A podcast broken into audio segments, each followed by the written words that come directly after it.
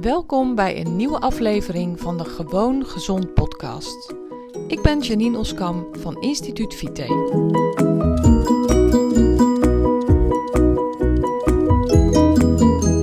Welkom bij deze mooie nieuwe podcast.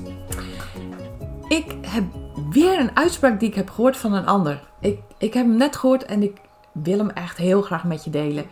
Uh, ik heb niet veel tijd, dus dit wordt een korte editie, een korte aflevering van mijn podcast. Maar ik vond het echt zo mooi. Ik vond echt zo'n inzicht.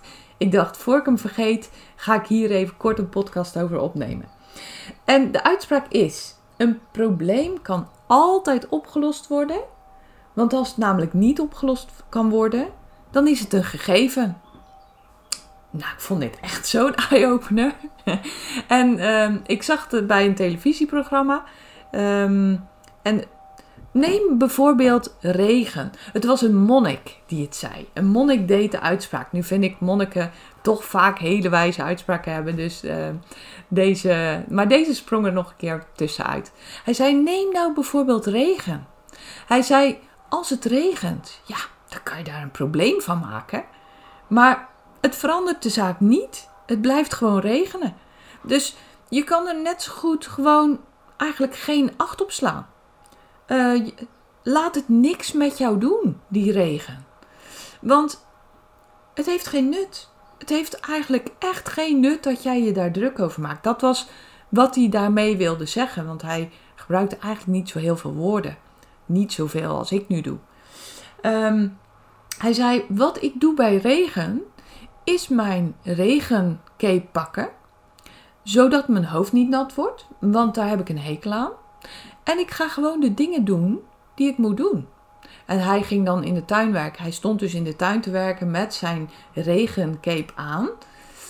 En hij zei: Ja, ik maak daar geen probleem van. Het is ook geen probleem. Want een probleem is iets wat je kunt oplossen. En anders is het geen probleem, maar is het een gegeven. Nou, briljant. Ik vond het echt briljant.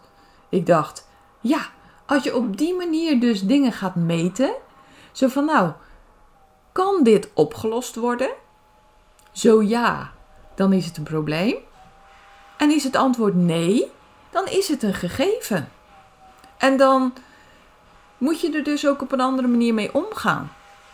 Dan kan je, kan je het gegeven verzachten door je regencape over je hoofd uh, te leggen, zodat je hoofd niet nat wordt, want dat vind je vervelend. Maar je kan er niet voor zorgen dat die regen stopt. Dus ga dat ook, in, ga dat ook niet proberen. Want dat is te vergeefse moeite. Hij zei: Ik denk altijd in uh, een investering die ik doe, dat dat ook nuttig moet zijn.